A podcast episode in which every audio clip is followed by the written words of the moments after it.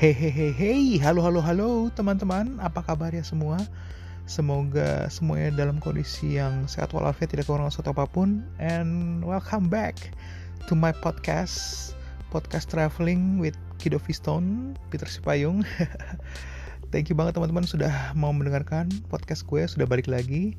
Dan mudah-mudahan semuanya berjalan dengan oke, okay, teman-teman tetap bisa stay healthy tetap waras tetap sadar ya di kondisi pandemik seperti ini. Buat teman-teman yang masih menjalankan ibadah puasa gue ngucapin selamat menjalankan ibadah puasa juga. Hmm, mudah-mudahan podcast gue ini bisa menghibur sedikit buat teman-teman semua. Nah kali ini gue akan ngebahas sesuatu yang erat kaitannya dengan yang sebelum-sebelumnya. Apa tuh? Ya sebelum-sebelumnya gue udah ngebahas mengenai pesawat gue udah ngebahas mengenai darat ya kereta dan mobil. Nah, kali ini gue mau ngebahas yang di air. Kapal selam? Enggak lah ya. Yellow submarine gitu. Enggak, enggak, enggak. Kali ini gue mau ngebahas mengenai boat atau ferry atau sejenisnya lah ya teman-teman. Nah, kalau mengenai boat atau ferry-ferry seperti ini atau kapal laut istilahnya ya, hmm, bisa dibilang gue membaginya atas dua.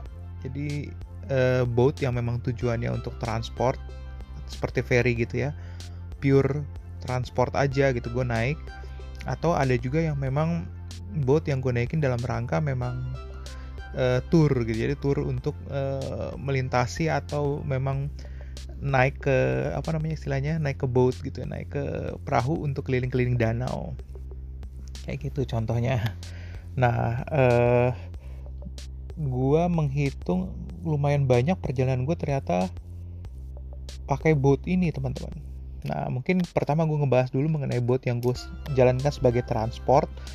Hmm, biasanya sih boat-boat ini cenderung kurang oke okay, teman-teman. Maksudnya kurang oke okay, ya pemandangan biasa aja. Memang tujuannya hanya transportasi. Jadi dari satu pulau ke pulau yang lain gitu. Jadi yang hmm, saya dibilang yang nggak mereka nggak jual pemandangan. Yang mereka jual memang hanya hmm, transportasinya gitu. Jadi penghubung antara satu tempat ke tempat yang lainnya.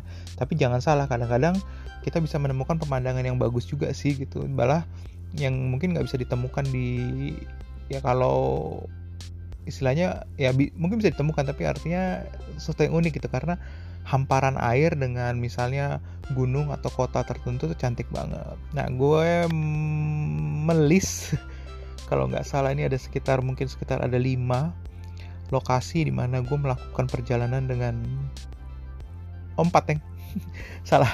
Jadi ada empat lokasi yang gue lakukan perjalanan memang tujuannya hanya transport. Nah yang pertama pernah gue bahas sebelumnya mungkin ya teman-teman udah pernah tahu.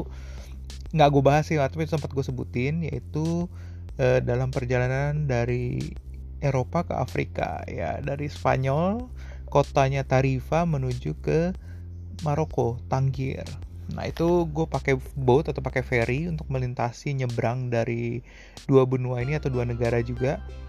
Nah untuk ini sih ya itu benar-benar transport murni transport banget teman-teman.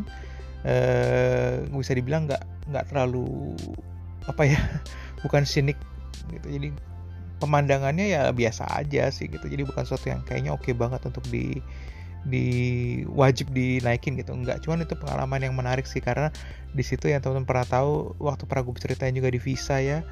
Jadi bagaimana uh, pengurusan visa juga di atas kapal gitu ya gitu. Dan uniknya sih seperti itu aja teman-teman. Kemudian perjalanan dengan boat lain yang pernah gue lakukan juga itu adalah di Yunani.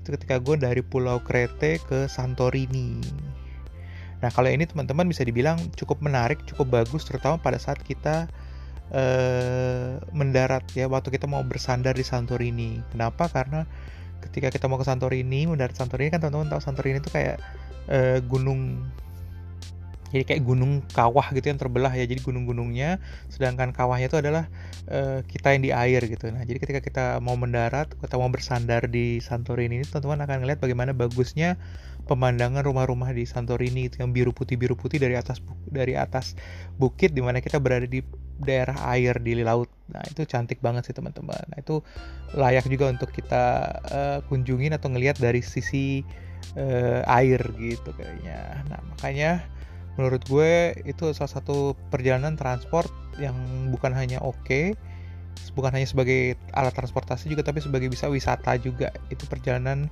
uh, boat uh, di Yunani teman-teman. Nah kemudian yang lain yang pernah gue lakukan perjalanan juga dengan boat yaitu Hong Kong Ferry ya.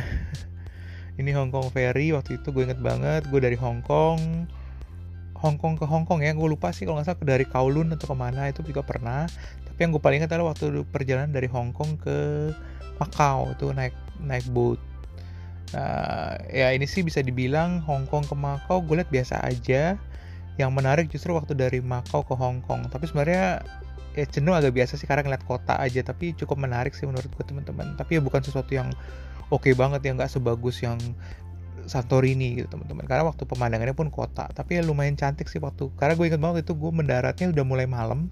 Sore ke malam dari Makau ke Hong Kong. Jadi cantiknya itu ada dari gedung gedung-gedung yang mulai bercahaya ya warna-warni di lampu-lampu gedung itu kemudian kita mendekati gitu. Nah itu yang cantiknya sih gitu. Jadi kayak ada apa sih uh, mirroring gitu ya antara laut dengan kaca-kaca gedung kayak gitu dengan lampu-lampunya. Itu sih yang bikin cantik teman-teman. Jadi ya mungkin kalau mau naik uh, Hong Kong ferry mau dapat pemandangan cukup oke nah itu bisa. Cuman ya sayangnya agak goyang sih. Jadi agak susah juga moto kalau mau pakai kamera yang bagus banget. Jadi mungkin ya ya kompensasinya lah ya.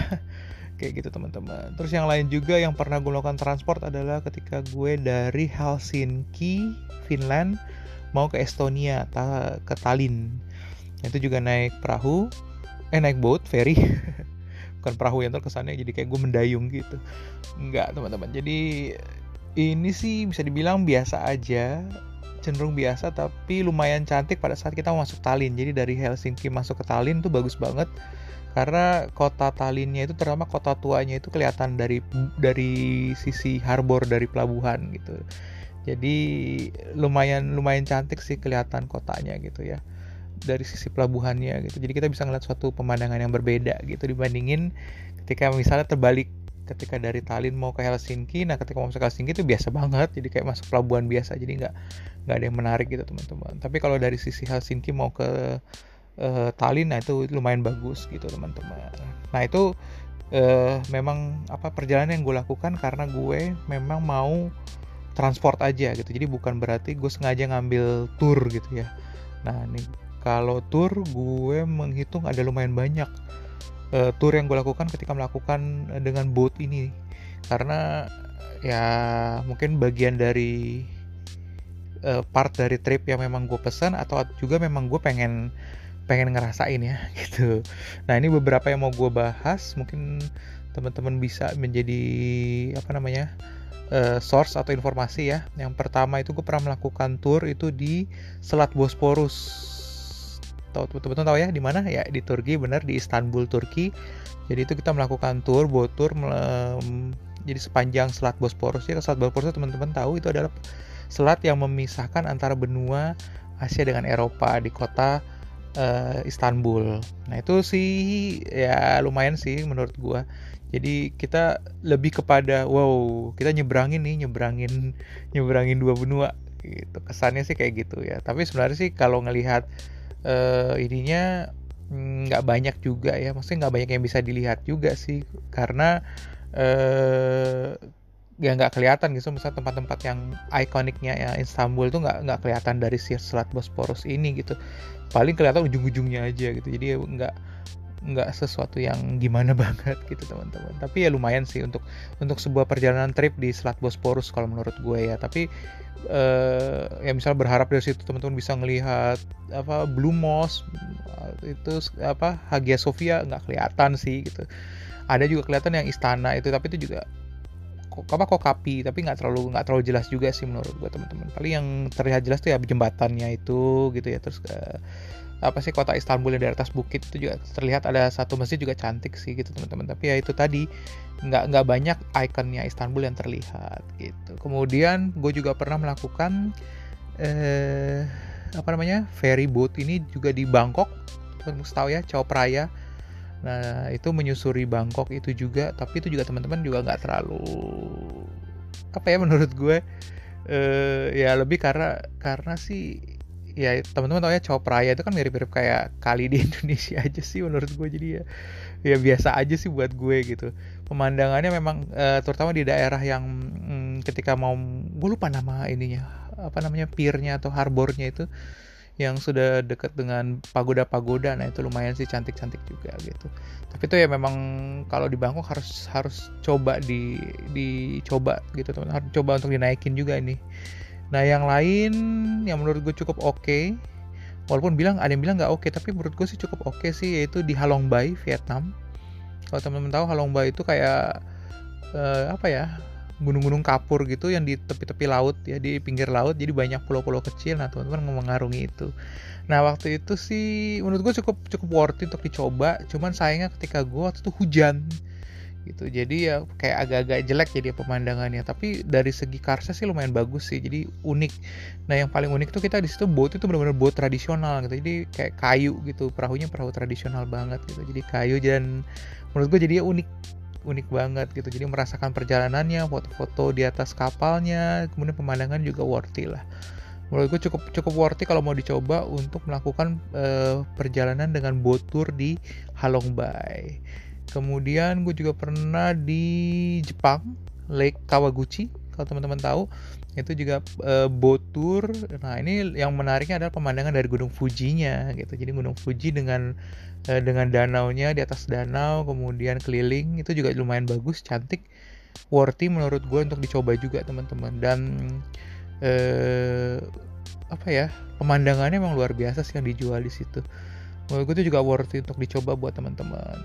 Ya, hal lain yang mungkin pernah gue lakukan dan menurut gue juga cukup cantik itu di Norway itu di fjord. Kalau teman-teman ingat waktu gue menceritakan perjalanan dengan kereta api uh, dari Flam gitu ya menuju ke Bergen itu kan kita naik kereta. Nah begitu naik kereta kita akan sampai di pelabuhan untuk menyusuri fjord Nah itu kita naik lake, eh naik lake naik eh, naik boat ya, naik ferry gitu untuk sampai ke kota kecil lagi. Dari kota itu baru naik kereta, naik, pesa, eh, naik mobil menuju Bergen. Nah perjalanan menyusuri fjord inilah yang lumayan oke okay menurut gue malah bukan lumayan memang bagus banget ini yang salah satu yang dijualnya itu pemandangannya cantik banget teman-teman jadi kita mengarungi fjord kemudian di kiri kanannya dengan pemandangan yang luar biasa dengan tebing-tebing yang tinggi yang air terjun yang banyak kemudian ada kota-kota yang kecil-kecil dengan rumah-rumah yang unik khas Norway. Nah itu bagus banget. Ya teman-teman harus coba deh itu. Sangat gue apa rekomendasiin untuk naik uh, boat di fjord di Norway gitu teman-teman. Yang lainnya juga ini harusnya waktu itu gue naikin tapi nggak jadi. Tapi gue denger cerita ini maksudnya bagus banget malah katanya suka muncul ada apa namanya eh, lumba-lumba malah katanya. Cuman sayang banget itu kita nggak jadi gara-gara ada tanah longsor yaitu di New Zealand. Itu dari Milford Sound itu kita harus naik boat untuk untuk melihat uh, fjordnya New Zealand. Jadi fjord juga ada loh di New Zealand teman-teman. Nah itu itu katanya ada lumba-lumbanya dan itu katanya cantik banget. Ya kita, tapi emang kalau kita ngeliat dari jauh akhirnya kita ngeliatnya cuma bisa dari jauh ya teman-teman. E, itu pemandangan juga indah. Jadi mirip banget sama kayak Norway cuma dari sisi ini selatannya gitu ya di New Zealand. Itu bagus banget cuman sayang kita memang nggak akhirnya nggak jadi naik boat karena satu-satunya jalan menuju ke pelabuhan untuk naik si boat itu naik ferry itu kena tanah longsor jadi kita nggak bisa masuk. Itu memang sedih banget. Padahal perjalanannya jauh banget karena kita jalan darat dulu dari Queenstown menuju ke Milford Sound. Itu mungkin sekitar 3 jam 4 jam deh hampir 4 jam. Jadi pulang pergi 8 jam ya teman-teman. Walaupun pemandangannya memang luar biasa sih keren banget itu di perjalanan. Tapi ya perjalanan sepanjang itu tapi nggak jadi. Itu sedih banget sih. Kita udah berangkat pagi-pagi subuh sampai kembali sore. Ternyata kita nggak naik si boat itu. Ya itu mungkin salah satunya mungkin pengen banget sih gue ulang. Itu keren banget terus juga pernah di Taiwan gue juga naik uh, di lake itu gue lupa apa Moon and Sun kalau nggak salah Moon and Sun Lake ya itu cukup terkenal di Taiwan. Itu juga tapi sebenarnya sih biasa aja kalau menurut gue. Ini cenderung biasa artinya pemandangannya biasa. Jadi kayak sesuatu yang bisa teman-teman dapatkan di Indonesia sih kayak masuk ke danau apa danau Singkarak? Danau atau nggak usah danau Singkarak lah. Yang paling gampang kayak danau-danau atau situ-situ yang ada di Jawa Barat Nah itu mirip-mirip kayak gitu aja karena pemandangannya mirip-mirip sama kayak kita. Jadi ya hanya ya gunung-gunung dengan pohon-pohon hijau ya kayak gitu sih teman-teman. jadi ya gunungnya juga bukan gunung-gunung yang kalau kayak Lake Kawaguchi kan memang Mount Fuji gitu ya ya itu ya the the magic the magis yang magicnya Mount Fuji itu yang jadi pemandangannya kalau di Taiwan ini menurut gue ya cukup biasa aja sih ya kalau dibilang worthy ya kalau di skip juga bisa karena nggak nggak nggak segitu hebat dan bagusnya menurut gue ya teman-teman kemudian juga gue pernah nah ini mungkin yang terakhir yang pernah gue naikin untuk boat itu di Danau Galilea, Lake Galilea ya itu di Israel Palestina. Nah, kalau Lake Galilea ini ya kan sangat terkenal bahwa ini adalah danau di mana danau yang cukup besar di mana di zaman uh, dulu ya, waktu zamannya terutama karena gue ke sini kan untuk melihat kayak termasuk ziarah. Jadi diceritakan kalau dalam Alkitab itu Tuhan Yesus bagaimana sering banget di danau ini. Jadi kita mencoba mengarungi danau ini kalau di sini sebenarnya uniknya danau sih biasa aja teman-teman asli nggak ada nggak ada sesuatu yang aneh lah gitu jadi cuman ya danau dengan pinggirannya malah kayak gersang kan karena mereka cukup banyak padang pasir gitu malah pinggir-pinggirnya kayak ya tanah gitulah ya tanah tanah dan pasir gitu jadi ya, ya itu aja gitu pemandangannya biasa banget. Tapi ya mungkin yang yang menarik adalah bagaimana waktu kita di di situ jadi kalau di Danau Galilea itu kayak uh, di, diisi acara jadi sepanjang danau itu kita kayak diisi acara untuk menghibur tamu-tamu gitu. Dan yang uniknya karena mungkin mereka sering banget tamu dari Indonesia jadi kayak kita nyanyi lagu bahasa Indonesia jadi karena kita kan rombongan besar ya jadi kayak di dalam di atas perahu tuh poco-poco nyanyi lagu lagu nyanyi jadi lebih ke suasananya sih teman-teman. Kalau pemandangannya sih nggak ada yang bisa dibuat terlalu banyak dijual gitu. Jadi ya terus ya kita jadi kayak membayangkan apa yang terjadi ketika zaman uh, Yesus ya. Jadi karena kan kita dengar cerita-cerita banyak dari Alkitab tuh banyak seputaran Danau Galilea ya itu jadi kayak diingat-ingatin lagi loh ini loh di danau ini pernah terjadi ini pernah terjadi ini gitu.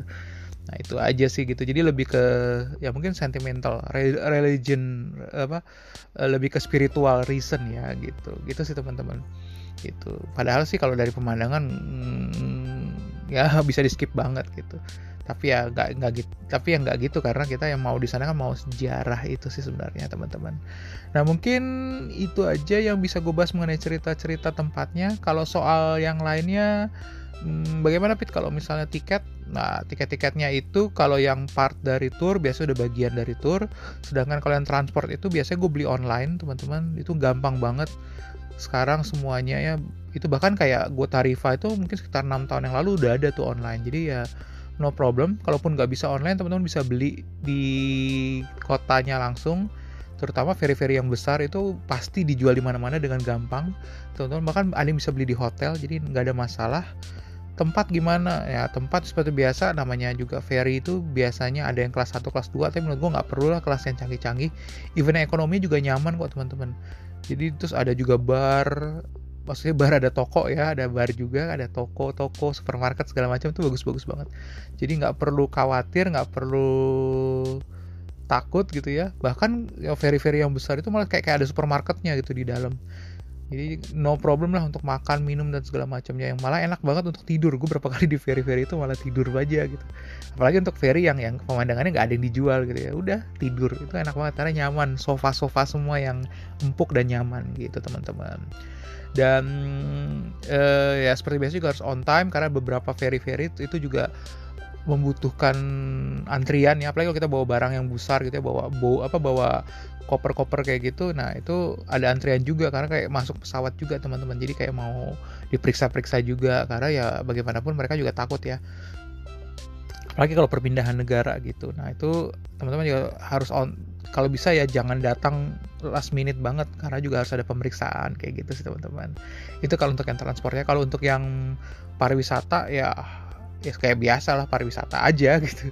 Kayak masuk ke tempat wisata antrian masuk ya udah gitu. Nanti juga turun seperti itu. Itu aja sih teman-teman yang gue rasa yang perlu gue sampaikan untuk ini untuk cerita kali ini mengenai ferry atau boat. Mudah-mudahan teman-teman punya bayangan dan bisa pergi atau pergi ke tempat-tempat tertentu. Worthy nggak? Ya silahkan dicoba gitu. Nah kalau dari gue ya itu tadi teman-teman udah dengar apa yang worthy apa yang enggak itu aja mudah-mudahan episode kali ini cukup berkesan cukup bisa memberikan masukan buat teman-teman semua. Thank you udah dengerin teman-teman. Dah